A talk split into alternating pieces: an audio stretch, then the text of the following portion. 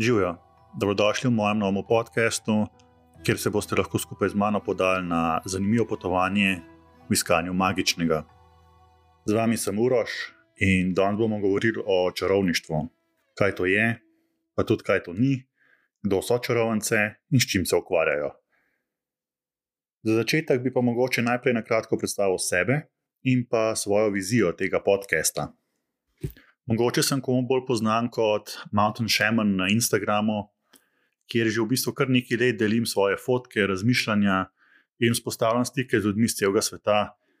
To so predvsem ljudje, ki jih zanima čarovništvo, ki se s tem ukvarjajo, ki jih to navdihuje, umetniki, pa tudi kašni, ki samo rabijo kakšen na svet občasno. Zdaj, zakaj sem se lotil jaz tega podcasta? V bistvu zato, ker me že odmer zanimajo stare religije, mistično, okultno, simboli. In kot odrasel sem se tega lotil tudi zelo strokovnega vidika in predvsem tudi praktično. Tako da v bistvu lahko rečem, da se že kar nekaj let ukvarjam s čarovništvom, z lično medicino, raziskujem starodavne tehnike. Eh, zdravljenja, ljudsko izročilo in skušam te modrosti prenesti v moderni čas in jih predvsem tudi približati ljudem, prenesti to znanje naprej. Iskreno verjamem, da je svet poln lepote in čarovnije, da nas obdajata povsod, če jo le znamo najti, videti kot otroci imamo ta dar, da jo vidimo, da je bolj razvit, pol pa nekako to kar zbledi. In zato tudi ime tega podcasta v iskanju magičnega, ker verjamem, da moramo neustano iskati to čarobnost okoli sebe. In to je tudi moja vizija za ta podcast. Predstaviti različne teme, povezane z naravo, ljudskim izročilom, magijo in pa seveda prakse, ki so s tem povezane. Zato tudi današnja prva tema: čarovništvo.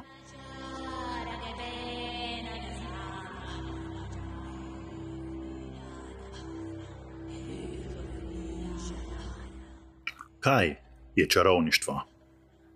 Ta beseda nam ni nepoznana. Eh, v bistvu na nek način vsi vemo, kaj je čarovništvo, čarovnija, kdo so čarovnice, čarovniki. Ampak po drugi strani pa mogoče to znanje ni čist pravilno. Ker danes o besedah čarovnica, čarovnik, čarovnija nekako največ pomislimo na neke domišljijske like, pravlična bitja. Kot je vem, Harry Potter ali pa unazlobna zelena polta čarovnica, ki zamahne s palčko, spremeni človeka, v žabo in leti na metli. Predvsem si čarovništvo danes predstavljamo kot nekaj izrazito nadnaravnega ali pa celo nenaravnega, ki ima pretirano čudežne in pa predvsem takojšnje rezultate.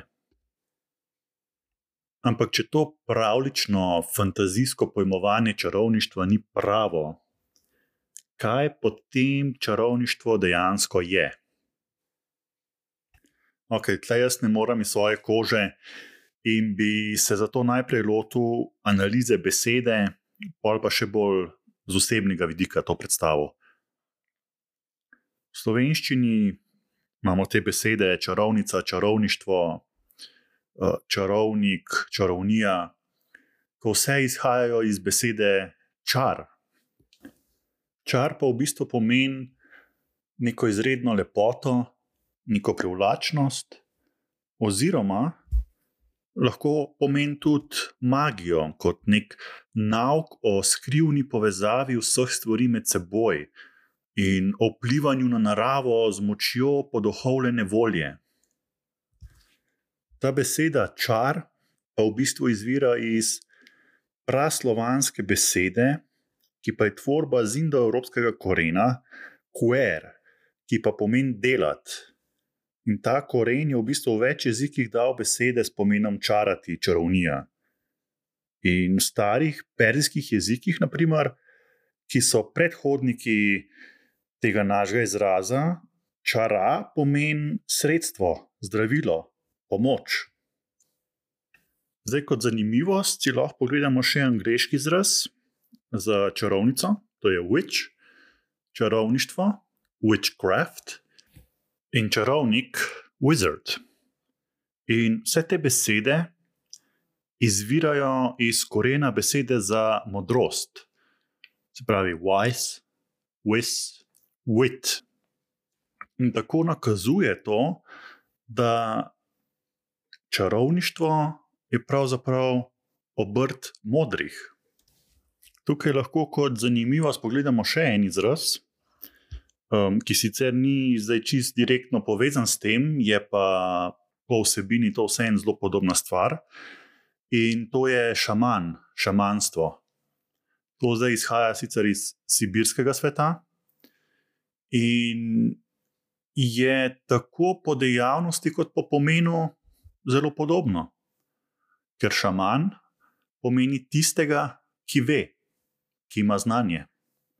Se pravi, podobno kot čarovnica, kot um, witch v angleščini, nakazuje na dejavnost tistega, ki ima neko znanje, modrost, ki zna zdraviti, pomagati. Seveda je pa poleg tega fizičnega aspekta, če treba poudariti dejstvo, da gre tudi za duhovno delovanje. In lih iz tega verjetno izvirajo vse te popačene predstave o delovanju čarovnic.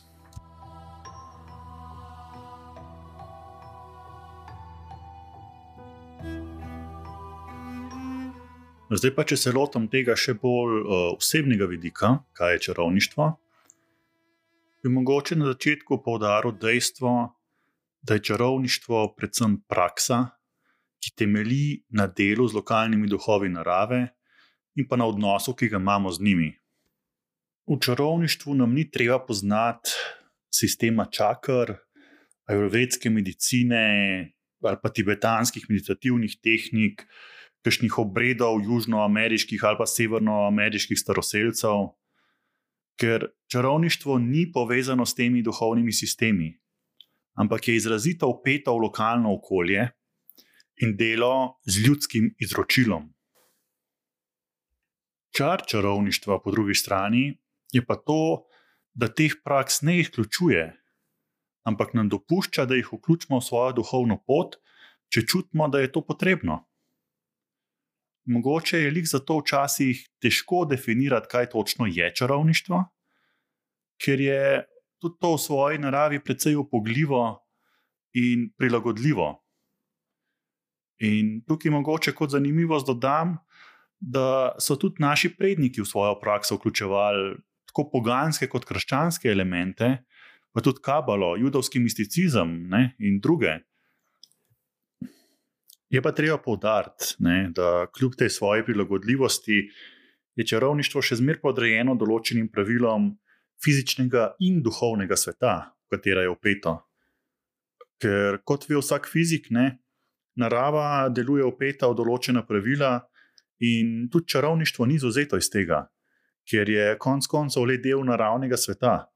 Čeprav se občasno loteva tudi tematik, ki jih moderna znanost še ne pozna ali pa ne prizna. Torej, s čim se dejansko ukvarjajo čarovnice? Če začnem z definicijo najpomembnejšega, najbolj znanega, videnega zgodovinarja religije, to je bil profesor na Čikaški univerzi um, Eliade, ki je zelo veliko pisal o šamanizmu, pa tudi o čarovništvu. On je rekel za šamane, da so to mojstri transa, se pravi posebnega umskega stanja, v katerem je šaman zmožen prehajati iz tega v oni svet. Pravijo, da šaman z eno nogo stoji v tem svetu, z drugo pa v duhovnem in tako služi kot neke vrste most med svetovi. S svojimi zmožnostmi šaman vodi duše na oni svet zdravi dušne in fizične bolezni. In podobno tudi čarovnice delujejo upete v oba svetova. Sporozumevajo se z duhovnim svetom, razbirajo znake, ki jim pomagajo globje razumeti ta svet okoli njih, svojimi znanji vplivajo na razplete dogodkov, zdravijo tako duhovno, kot tudi fizično, predvsem pa pogosto s pomočjo rastlinskih zaveznikov.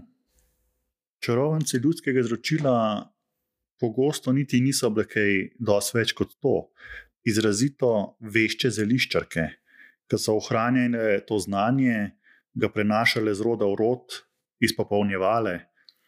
Ampak hkrati so bile pa veliko več kot to, ker te modre ženske, pa tudi moški, so napovedovale in vplivali na vreme, so skrbele za duhovno zdravje skupnosti, so razlagale znamenja, pa vizije, ki so vplivali na marsikatero odločitev skupnosti. Po eni strani so bile izločene, ampak po drugi strani so bile pa center skupnosti.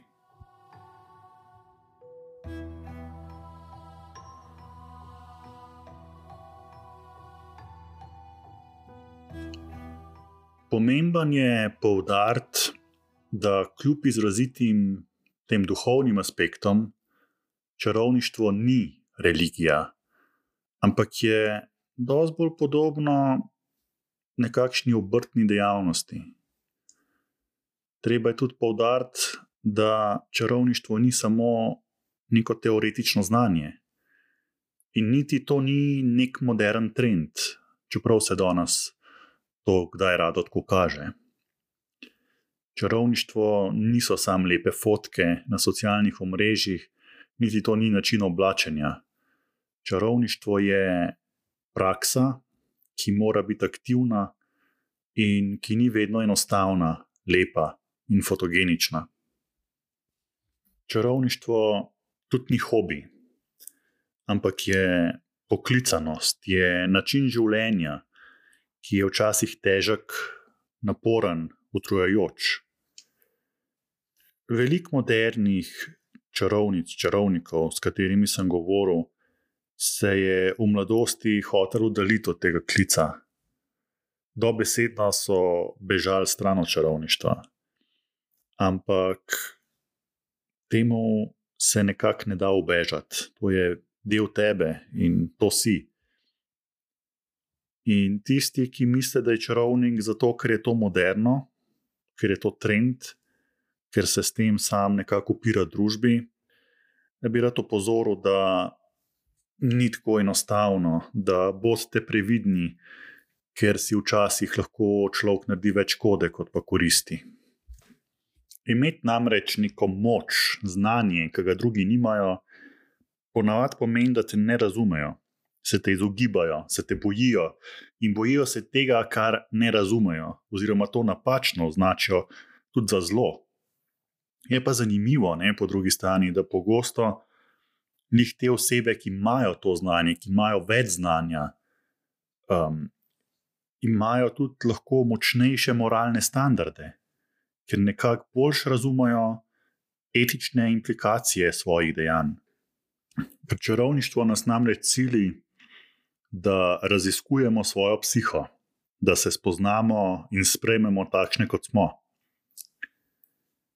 Danes se veliko ljudi rado hvali, kako išče sam svetlobo in kako se brani vsake teme. Ampak čarovništvo ni pot svetlobe. Čarovništvo nas pahne v temo, ki jo pol moramo razsvetliti, raziskati, da najdemo pot ven. Raziskati moramo vse temne kotičke svoje duše. In tistega, ki dobesedno prodaja sam svetlobo, in to pretirano toksično pozitivnost, tega se raje izognite. Ker življenje ni samo en pol, treba je zmer poznati obe strani. Ker konec koncev, če ne bi bilo teme, ne bi mogli ceniti svetlobe. Če ne bi poznali žalosti, trpljenja, pa tudi veselja ne bi poznali. Se spomnim, ko mi je pred časom nekdo rekel, da smo v bistvu konstantno ujeti v boju med svetlobo in temo, da smo v bistvu stalno v tej sivini. in da se moramo odločiti, kam bomo gledali. Ali bomo gledali proti svetlobi, ali bomo gledali proti temi. Ker tista smer, v katero bomo gledali, tista nas bo prevzela. Lahko nas prevzame svetloba in upanje, lahko pa nas prevzame tema, depresija. Ampak kljub temu, pa ne smemo pozabiti, da obstajata oba pola in da žalost, jeza, to niso slabe stvari, katerim se moramo izogniti. To je del življenja in ravno v teh delih najbolj zrastemo in se največ naučimo. Ker tudi seme rabi temo, da lahko požene. In če sem tle zdaj govoril o teh dveh polih, dobrem in slabem, bi pa rad upozoril na eno drugo, mogoče napačno pojmovanje magije. To pa je, da se deli na belo in črno. To je v bistvu podobno, kot da bi elektriko delili na dobro in slabo. Pač elektrika ni slaba, ni dobra, elektrika je samo energija. In enako magija ni dobra ali slaba, ampak je energija. In od nas je v bistvu pol odvisno, kako jo uporabimo. Pogosto beremo tudi o belih in črnih magih, belih čarovnicah, črnih čarovnicah.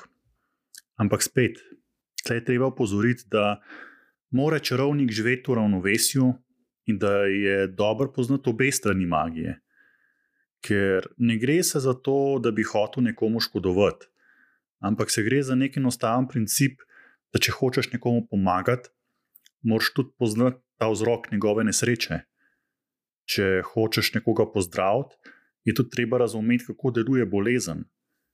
In v praksi to pomeni enostavno to, da mora čarovnica, ki hoče odstraniti zlo, vedeti tudi, kako ga priklicati.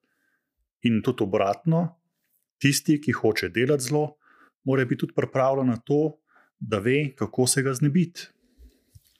In tudi, če pogledamo ljudsko izročilo, se jasno vidi, da čarovnice delajo dobro in slabo. Zanimivo je, ne, da se je v zadnjih desetletjih več pisateljev na temo čarovništva razpisalo o tako imenovanem trojnem zakonu, pa tudi o kakšnih drugih verzijah tega. Ne. Ampak posod gre za nekakšno poenostavljeno verzijo karme, ki naj bi čarovniku vrnila vse, kar ta pošta v svet. Ampak izročilo se s tem ne sklada, ker čarovnice morajo uporabiti svoj razum in presojo, da se odločijo, kdaj in kako uporabiti svoje moči. In moralna drža je dejansko odvisna od posameznika in od situacije, v kateri se znajde. Dobrim ljudem se ne dogajajo samo dobre stvari, pa tudi slabi ljudje velikokrat ne dobijo tistega, kar bi si zaslužili. In izročilo nas uči, da si moramo pravico ustvariti sami, s svojimi dejanji, s svojo čarovnijo. In moramo biti tudi pripravljeni nositi posledice teh svojih dejanj.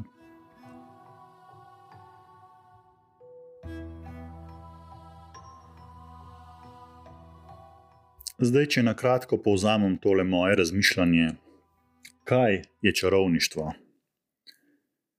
Čarovništvo je poklicanost v način življenja, ki temelji na delovanju v fizičnem in duhovnem svetu, na podlagi katerega lahko zdravimo in pomagamo ljudem okoli sebe.